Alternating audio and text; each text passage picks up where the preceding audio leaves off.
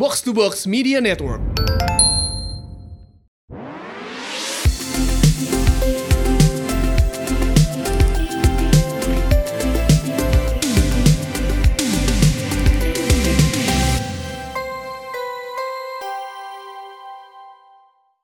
Hai ladies, welcome back to She Talks About Podcast bareng gue Alrika. Dan gue Mandy. Nah hari ini di episode kali ini kita kedatangan seorang eh, inspirator ya kita sebutnya inspirator.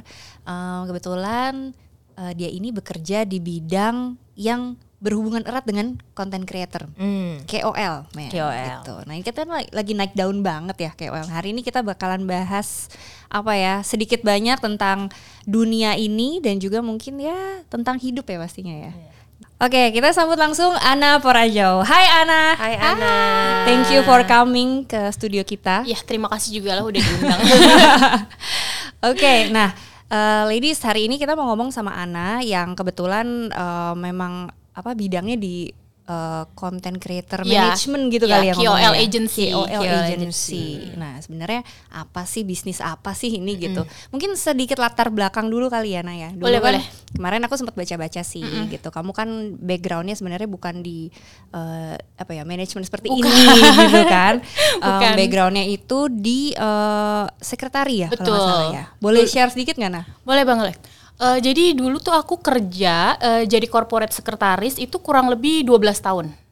Itu karena aku mulainya dari lulus SMA kali ya. Iya, jadi start early ya. start ear- early, betul. Nah, terus pada tahun 2015, eh no no, enggak 2011 lah. 2011 awal itu aku punya bisnis online. Oke. Oke, bu- jual ya berbagai macam barang lah. Ini cerita di baliknya cerita di ya, baliknya oke. betul nah pada saat itu kan Instagram lagi hype ya nah aku kenal lah dengan salah satu public figure oke. Itu aku kenal sama Prilly karena emang aku kenal dari kecil. Oke. Nah pada saat itu aku eh, coba nih ke Prilly, Pril tolong dong bantu promosiin nih barang jualan aku gitu, tanpa tahu sebenarnya akan efeknya seperti apa. Hanya eh, waktu pada saat itu ya kayak eh, cobalah mungkin kalau dipromoin sama artis gitu.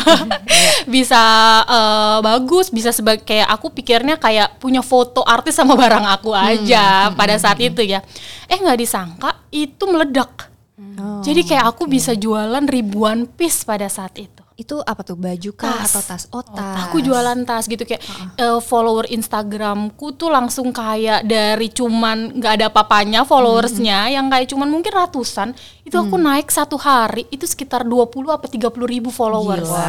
Wow. Nah pada saat itu kan eh, Instagram itu semua organik ya, Iya, nggak ada iya. tuh yang namanya followers eh, Bayar-bayar ads atau atau followers beli atau apa itu nggak ada. Jadi bener-bener aktif followersnya. Pada saat itu aku mikir wah ini kayaknya bisa dijadiin peluang bisnis nih gitu kan. Nah aku pada waktu itu aku nggak kenal siapa-siapa sebenarnya. Memang cuman kenal Prilly aja. Nah aku eh, tapi juga aku research nih untuk orang-orang yang endorsement tuh belum yang kayak terstruktur.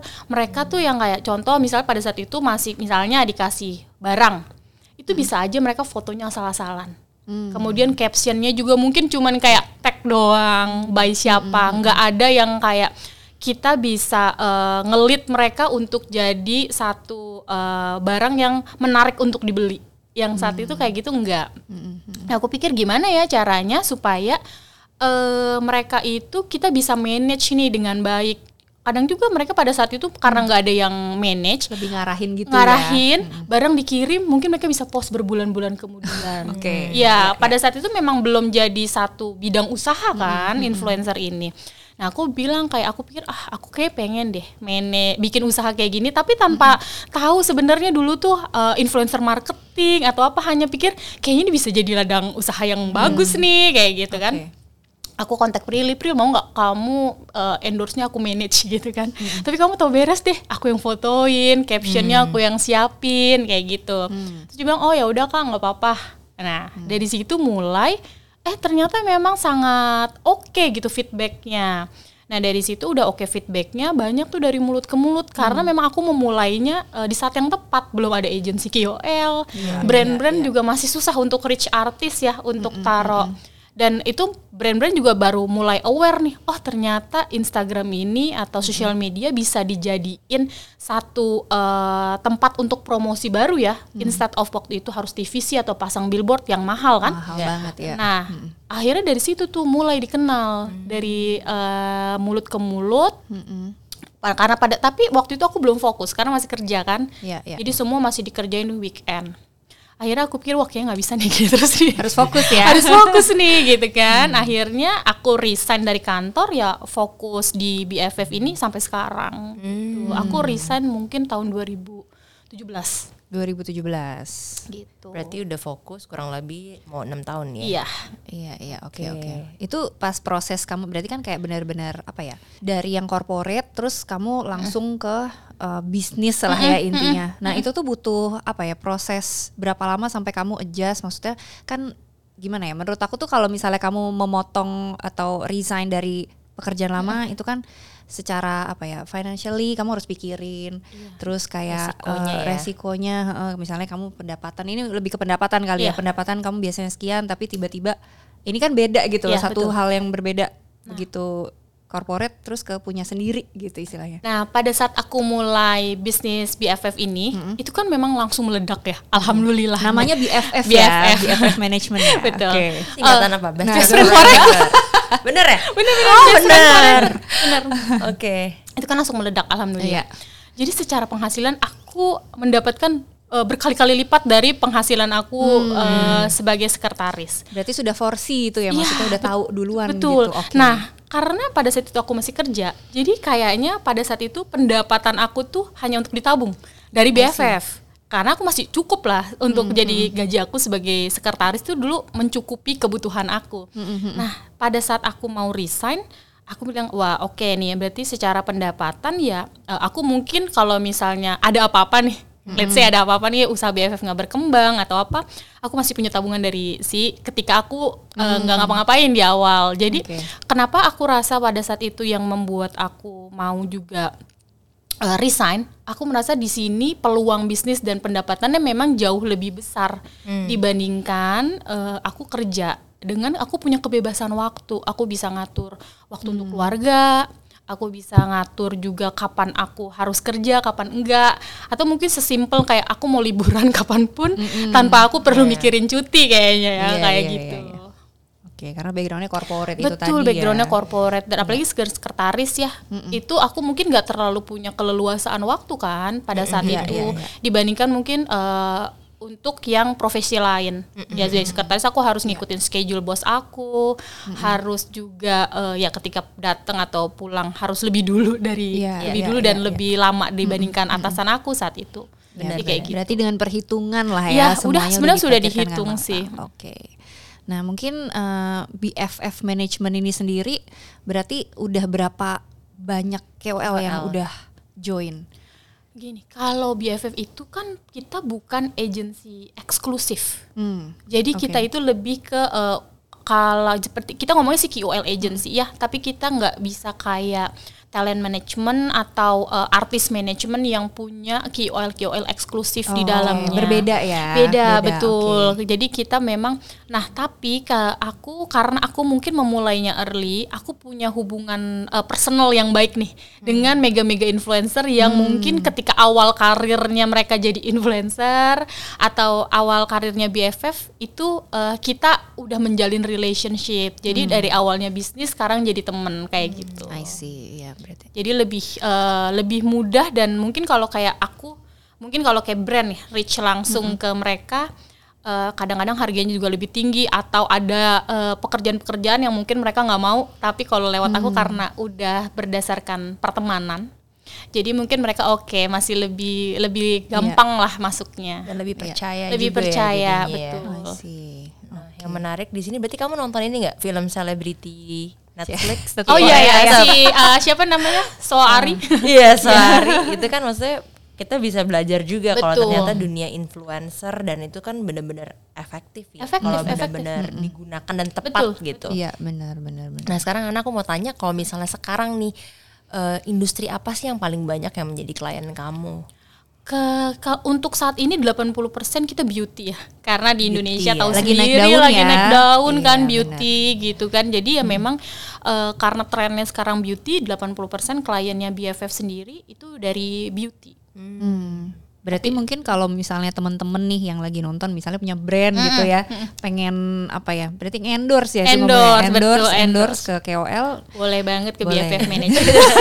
Jualan ya. Jualan. Tap in ya. Tapi itu biasanya meliputin apa aja sih nah kalau misalnya eh, satu misalnya aku pengen eh, ya udah sama KOL A gitu. Itu dapatnya apa aja biasanya? Kalau uh, scope of worknya itu memang tergantung permintaan dari klien ya. Hmm. Tapi memang rata-rata klien-klien itu maunya uh, foto feeds atau mungkin sekarang yang lebih efektif itu reels ya. Iya, iya, iya. Iya dan story Oh, itu aja oke. sih ya rata-rata yang masih diminta sama klien atau mungkin juga kita sekarang lo udah mulai agak shifting nih ke TikTok Ya, gitu lagi tapi naik juga iya lagi ya. naik tapi memang itu tergantung dari brandnya nggak semua brand itu cocok untuk kita masukin ke TikTok Hmm. atau kita pakai kalau istilahnya zaman sekarang tuh selebtok ya Oh, baik. Selebtok. Baru tahu. Oh iya benar. benar Selebtok. selebtok iya Oh, betul iya, benar. nggak semua brand itu personanya cocok nih dipakai betul, karena eh, kalau misalnya mungkin kalau kita bicarain dari persona gitu ya untuk Instagram itu lebih yang sesuatu yang edukatif Iya. Nah, iya. tapi kalau untuk mau nyari yang receh-receh, yang entertain, Entertain. Di ke TikTok. TikTok, kan nggak semua brand itu cocok, Cocok. dibikin Benar, receh setuju, gitu. setuju. Makanya eh, kita ketika kita dapat klien kit- walaupun mereka bilang ah saya aku mau ini mau ini tapi aku kita biasanya dari tim kita akan gali lagi sih cocok nggak sih brandnya Iya, ini iya, iya. personanya dengan sosial media yang mereka tuju gitu kalau memang nggak cocok sih kita sarankan untuk nggak pakai karena takutnya hasilnya nggak efektif gitu digali lagi ya. Digali berarti. lagi. Oke. Tapi cara ngukurnya itu gimana sih anak? Kalau misalnya kita pakai influencer, kan maksudnya it's part of ya digital marketing ya. Cuman kalau kita pakai Google keyword kita bisa ukur tuh, maksudnya dari berapa yang klik dan segala macam. Nah kalau kita pakai KOL, gimana brand tuh tahu kayak oh efektif nih hasilnya atau mereka memang di awal oke gue bayar Benchmarknya- cuma buat benchmarknya di mana gitu iya ya. awareness aja. Sebenarnya eh, tujuan kita pakai eh, endorsement itu kan eh, influencer marketing itu kan memang untuk eh, meningkatkan brand awareness. Awareness ya. Betul. Nah si brand awarenessnya itu biasanya kita eh, nanti ketika mereka ngepost gitu kan, ngepost itu kan ada yang namanya engagement rate gitu Oh, kan. ya. Iya insight insightnya. Nah dari insight ini, misal dari viewers itu kita bisa nih, misal viewersnya berapa, kita bagi dengan hasilnya, dengan dengan dengan harganya dia. Ya. Berarti per view ini semakin tinggi viewersnya, harganya kan murah. semakin murah kan, sama Iya, seperti iya. Google Iya, gitu betul, kan. betul. Nah, itu kita bisa lihat efektif atau enggak. Tapi memang ketika kita sebelum eh, minta influencer itu memang kan kita harus hati-hati ya, Hmm. pilihnya gitu, nggak bisa asal viral. Misal, oh dia Iya, viral, tapi karena dia viral belum tentu cocok, Cocok. sama market kita, betul. gitu kan? Nggak bisa. Jadi kita eh, dari eh, kenapa fungsinya eh, kita juga mungkin bikin eh, manajemen ini ya, karena kita punya tim-tim profesional kan di dalamnya untuk kita bisa ngebantu nih brand-brand mencari eh, influencer yang tepat untuk produk mereka, kayak gitu. Iya, iya. Kayaknya timnya sih gede banget ya. Kalau sosmed ya. Karena perintilannya banyak. Banyak, banyak betul. banyak. Jadi sekarang platform yang BFF pegang tuh Instagram and TikTok. Ya. Eh, Twitter enggak ya? Twitter ada tapi biasanya Twitter itu untuk eh, ke dari tim eh, dari apa namanya dari brand misalnya minta untuk ada yang kayak trending topik kayak gitu tapi lebih ke treats ya bikinnya Iya sih, benar-benar benar. Oke, jadi mostly mungkin lebih ke awareness itu tadi ya, atau mungkin ada juga pilihan yang ya gue pengen lebih ke apa conversion gitu-gitu ada juga ya nah berarti ya. Eh, conversion kita kita biasanya kita nggak terlalu bisa menjanjikan conversion sih. ke sales iya kan karena memang fungsi dari endorsement sendiri itu kan untuk meningkatkan awareness, Awareness, ya. dari awareness itu memang ujung-ujungnya karena kan untuk perjalanan nyampe sales. Iya, iya, iya. ya, eh, agak Jauh. agak journey-nya agak bisa panjang guarantee ya ya. nggak bisa Oke. guarantee Oh, gitu jadi memang brand udah harus tahu memang Harus ini tahu, tuh untuk ini cuma awareness. Awareness aja. gitu. Kalau memang misalnya yang tujuannya ke sales itu kalau zaman sekarang itu kan bisa pakai TikTok Live ya. Ya, itu iya. langsung direct kan hasilnya. Iya, iya, iya. Nah, Oke. aku kepo mau nanya juga nih. Apa tuh? KOL, maksudnya berapa rate yang paling mahal, bombastis, anak? Iya, Nggak usah berapa sih? nama ya. Berapa sekali post yang paling Iya, mahal paling ya? mahal. heeh. Mencapai berapa gitu Eh, kan? Ada lah yang sampai tiga digit itu ada. Ada? Ada. Tiga ada. digit? Eh, eh, ada. Itu followers berapa juta? jutaan sih puluhan juta Oh, puluhan dia. Iya, juta. tapi enggak eh, memang eh, kadang-kadang zaman sekarang enggak bermaksud untuk eh, judgement gitu ya. Iya. Tapi kadang-kadang memang eh, followers yang jumlahnya banyak, kadang-kadang harganya tidak semahal influencer yang memang niche marketnya itu Iya. memang dia sudah tahu. Contoh ya, misalnya kita ngomongin public figure. Public figure itu kan followersnya general banget ya. Iya. Ah, mungkin bisa aja di situ ibu-ibu, bisa Ya, aja di situ campur semua. lah semuanya. Harganya dia mungkin tidak semahal beauty influencer yang memang Khusus buat khusus beauty. Udah tahu ini ya, Heeh, jadi marketnya. eh, marketnya dia di situ, semua followers dia di situ memang orang-orang yang into sama beauty. Oh, Kadang-kadang kita bisa, oke. wow harganya dia fantastis ya. Berapa tuh fantastisnya? misalnya sekali ngepost bisa hampir 100 juta misalnya Oh, untuk satu kali post doang kayak Wow. gitu. Tapi tuh keep kalau kayak gitu tuh keep enggak sih? Keep forever? enggak, Oh, enggak, enggak, ya. di delete, Oh, di delete? di delete dong. Di delete selama sebulan maksimal. Oh gitu. Mm-mm. 100 juta buat sebulan. ya no wonder ya, Iya, maksudnya iya, kalau iya. beauty influencer maksudnya Tapi bisa. memang kita harus maksudnya appreciate mereka karena mereka, Mereka bikin konten, keras. bikin Bagus. konten itu eh, eh, nggak Iya. yang sembarangan gitu. Iya, iya, iya. Mereka memang benar-benar niat ya. Jadi ah, eh, aku kadang-kadang oh oke wajar lah mereka ada eh, harga segitu walaupun kita tetap ya kayak oh udah mahal juga. Karena Tapi itu mereka bikin kerja sih. Kerja mereka. bikin Iya, konten iya. nggak gampang. Gak gampang sama sekali ide dan lain-lainnya Dan itu. balik lagi ya, ya KOL, influencer, influence people nggak gampang juga. Iya, Iya Gitu. betul sih. Audiensnya juga harus tepat makanya Betul. gitu. Brand juga apa namanya mungkin lebih suka yang niche seperti itu kan udah pasti tepat sasaran gitu ya. Tapi aku juga mau nanya ini ya, ada nggak orang yang maksudnya kan kerja sama KOL, tapi Hmm. Ana apakah pernah menciptakan KOL itu sendiri? Grooming kali Grooming, iya. ya. nge-grooming. Nah, eh, baru akan nih gitu. Jadi baru mu- mulai kita tuh punya yang nama BFF ini punya community lah. Oke. Community-nya BFF itu mulai dari si eh, nano sampai micro influencer. Nah, itulah yang kita grooming ya untuk tapi itu lebih ke community yang eh, langsung kayak bulk ya besar misalnya Oh. dari brand nyari eh, community yang ibu-ibu muda. Nah, kita punya nih community-nya. Oh, Gitu. langsung brek gitu langsung ya. brek banyak. Tapi kalau untuk yang dari awal itu belum sih. Oh. Uh, kita lebih lebih menciptakan community sekarang ini Iya itu lebih susah juga sih men karena dari nol banget dari kan. nol banget benar Iya benar sih. Siapa tahu kan Siapa Ibu Wendy ya? jadi setiap Mau? hari enggak enggak enggak.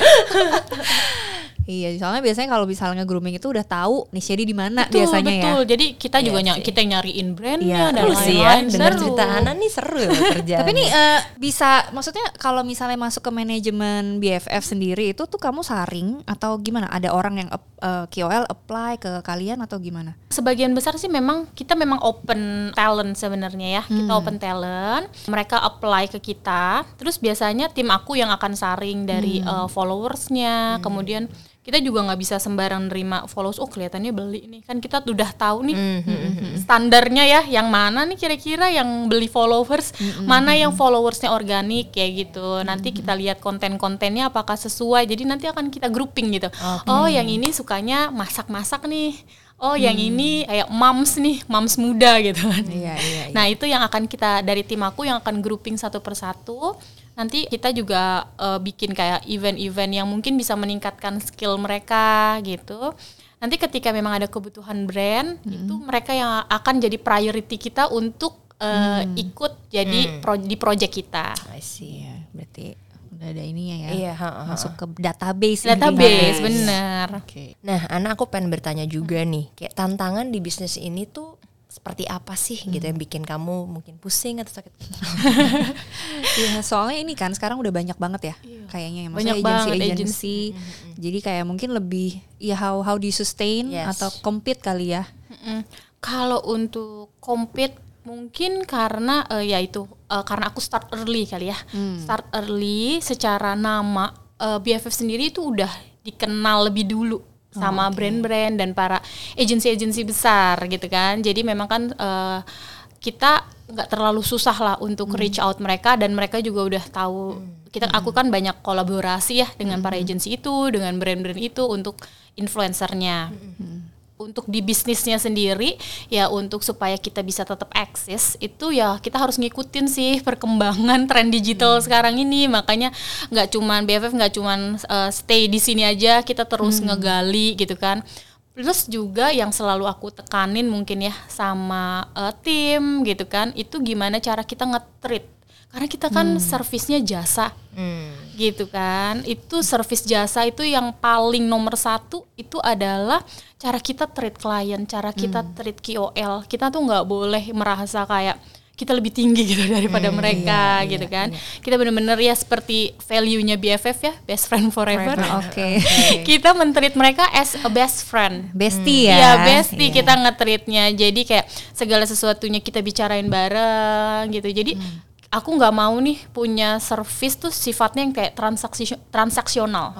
Gitu kan hanya kayak bisnis tapi memang kita bener-bener kayak Bina uh, hubungan iya, juga ya? bina hubungan sama mereka itu nggak cuman karena kita lagi ada project aja. Iya. Emang bener-bener relationshipnya yang kita jaga. Hmm. Jadi mungkin itu sih kalau dari aku. Nah, iya sih. Tapi maintain itu nggak gampang loh. Iya, maintain itu yang paling susah. Iya kan, Heeh. apalagi kamu ngehandle ya mungkin klien is one thing gitu, tapi ngehandle KOL-nya sendiri Betul, gitu betul. kayaknya banyak kali ya ceritanya ya Nak, ya. benar benar jadi kayak ya karena itu eh, dari KOL KOL sendiri itu memang tadinya kita kenal dari bisnis kemudian Hmm. jadi temen gitu kan nah itu mungkin maintenance-nya udah lebih kayak friendship jatuhnya Hmm, Oke, Benar-benar. iya Kamu tapi emang nggak ya? mudah sih iya benar.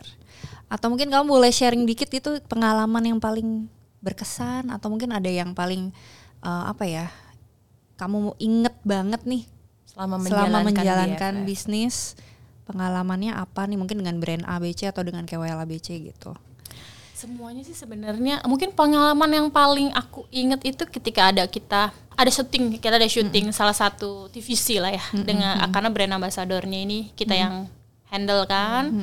Nah pada saat itu tuh lagi ada ternyata kecelakaan nih di lokasi syuting itu ada kecelakaan itu jadi ya itu mungkin technical sih. Jadi kan kita tuh lo, eh, syutingnya itu dengan pakai air. Jadi seakan-akan kayak kolam infinity gitu.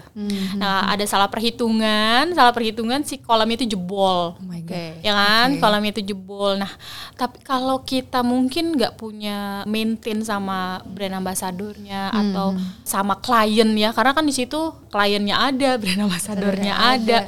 itu kita nggak bisa maintain relationship sama mereka itu pasti akan kayak wah chaos banget. Karena itu bener-bener bisa bikin celaka semua orang kan bikin celaka semua orang. Kan itu listrik di mana-mana. Air. nah itu untungnya pada saat itu tuh si gensetnya lagi mati. Mungkin kalau gensetnya nggak mati kita semua kesetrum di situ. Ya kan itu melibatkan banyak iya, orang kan Iya, gitu kan ya kita coba kayak untungnya karena punya relationship yang baik ya si uh, si brand ambassadornya juga yang harusnya mungkin kerjanya cuman empat jam tapi itu molornya bisa sampai tengah malam. Mhm. Karena ada kecelakaan karena itu kecelakaan tadi. itu belum si kita harus maintain moodnya si klien juga yang karena kan mereka taunya kita sem- uh, dari BFF nih yang handle semua kok bisa ada kejadian kayak gini. memang nggak nggak waktu itu kita nggak uh, cek dulu apa semua gitu walaupun itu sifatnya first major tapi kan me- orang mereka dari pihak klien taunya tanggung jawabnya dari kita gitu sih tapi untungnya ya karena aku selama ini memang hubungannya mungkin baik sama mereka jadi aku dan tim bisa handle itu Ya. dengan oke gitu. Hmm. Nah, oke, ini yang aku tangkap dari Ana itu sebenarnya dari tadi yang selalu dimention adalah hubungan baik Betul. Gitu ya. Tapi mungkin gak cuman bisnis seperti ini, mungkin juga ya any other bisnis juga Yes, gitu ya kan betul. pasti. Nah, tapi menurut Ana sendiri kalau misalnya in this kind of business gitu ya, apa aja sih yang harus di uh, punyai, dimilikin gitu loh. Selain mungkin tadi ya itu ya bisa menjaga hubungan baik, komunikasi lah ya. Komunikasi sama ya mungkin kalau menurut aku tadi dari cerita ya harus kuat mental juga ya. kuat mental, Iya kan? kuat mental. Eh, juga mungkin kalau yang harus di- kita punya itu adalah tim yang profesional ya. Hmm. Kalau kita nggak punya support system, tim di belakang kita ya kita nggak mungkin bisa Hmm. kerjain kan. Karena dunia seperti ini nggak cuma memang ki- mungkin kita bisa ada networking atau skill, Ya. tapi kita tetap perlu yang namanya skill-skill profesional di dalamnya. Hmm. Karena eh, influencer marketing sendiri, digital Hmm. marketing itu kan juga eh, ada mereka harus punya skill-skill tertentu lah ya untuk kita bisa sustain di dalam bisnis ini. Jadi menurut aku yang paling kita perlu punya itu adalah tim profesional di belakangnya. Oke, setuju sih. Ya. Karena ya one of the main apa ya? main ingredient kali ya sukses ingredient itu juga Setiap tim perusahaan ya, setiap pasti. perusahaan betul. gitu. Jadi itu adalah salah satu pendukung support system terbesar dari BFF sendiri. Aku punya tim-tim di belakang aku yang aku bisa andelin dan sangat profesional. Semacam aset ya. Macam aset. Oke oke. Nah ini kita udah ngobrolin macam-macam bisnis. Mungkin kita mau sedikit kali ya ke live. gitu. Nah yang aku tahu tadi ngobrol-ngobrol dikit sih guys ya. Ini eh, Ana adalah seorang ibu juga. Iya. Ternyata. Nah mungkin kalau di dunia pekerjaan dan dunia keluarga kan pasti beda banget tuh Iya. Ana gitu.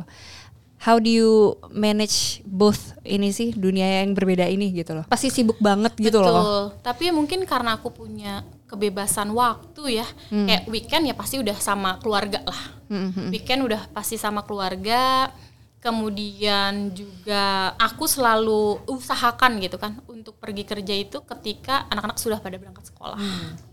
Nah, jadi ada waktu-waktu untuk bisa ngobrol lah atau ketemu sama mereka karena Ya. kalau enggak ya udah pasti pulangnya malam, nggak akan ketemu lagi dan ketemunya tuh di weekend. Hmm. Jadi ini ya membagi waktu Bagi ya, waktu. bagi waktu. Tapi pernah jenuh nggak tuh kalau misalnya kayak setiap hari dengan pekerjaan rutinitas kamu, apa yang kamu lakukan ketika mungkin ya setiap orang pasti pernah jenuh sih ya. Mungkin Cuma stuck maksudnya ya, ya stuck juga bisa. gitu. Hmm. Biasanya your me time tuh apa sih? Iya. Ah, me time aku itu nonton sih ya. Oh, nonton. Film Korea. film Korea. nonton, nonton film Korea. Kemudian kalau ada waktu sih traveling ya, Traveling, traveling, gitu. Aku su- punya nih schedule traveling sama teman-teman aku sendiri. Gitu. Biasa kita eh, kalau yang misalnya dekat ya atau pergi nonton konser kayak gitu, pergi ke festival-festival musik. Itu emang aku seneng sih yang kayak gitu. Oke, begitu cara Ana untuk recharge. Iya. Bu Mendy gimana? Bu Iya, Mendy? kita juga ya. Nanti iya, kan kita juga mau recharge. Iya, kita recharge. Nah, kalau menurut Ana sendiri, definisi sukses seorang perempuan tuh apa sih? Kalau sukses itu beda-beda ya. Sebenarnya ada orang kan mungkin mungkin mengkaitkan dengan financial gitu, pasti kan semua orang mengukur gitu sukses. Tapi dari aku nggak dipungkiri memang ada yang namanya keberi- ke kebebasan gitu kan. Eh, salah satunya ya financial freedom mungkin kalau kita sudah sukses, tapi juga sukses menurut aku yang paling penting itu ketika kita tuh bebas untuk memilih mau ngapain, mau jadi apa gitu kan. Kita udah nggak terkukung lagi oh eh, dengan oh perempuan ini kayak harus kayak gini ya, harus kayak gitu ya. Kita punya kebebasan untuk menentukan apa yang kita mau. Eh, kita juga punya eh, apa ya, kayak pondasi yang kuat untuk tahu apa yang kita mau. Itu menurut aku sih sukses.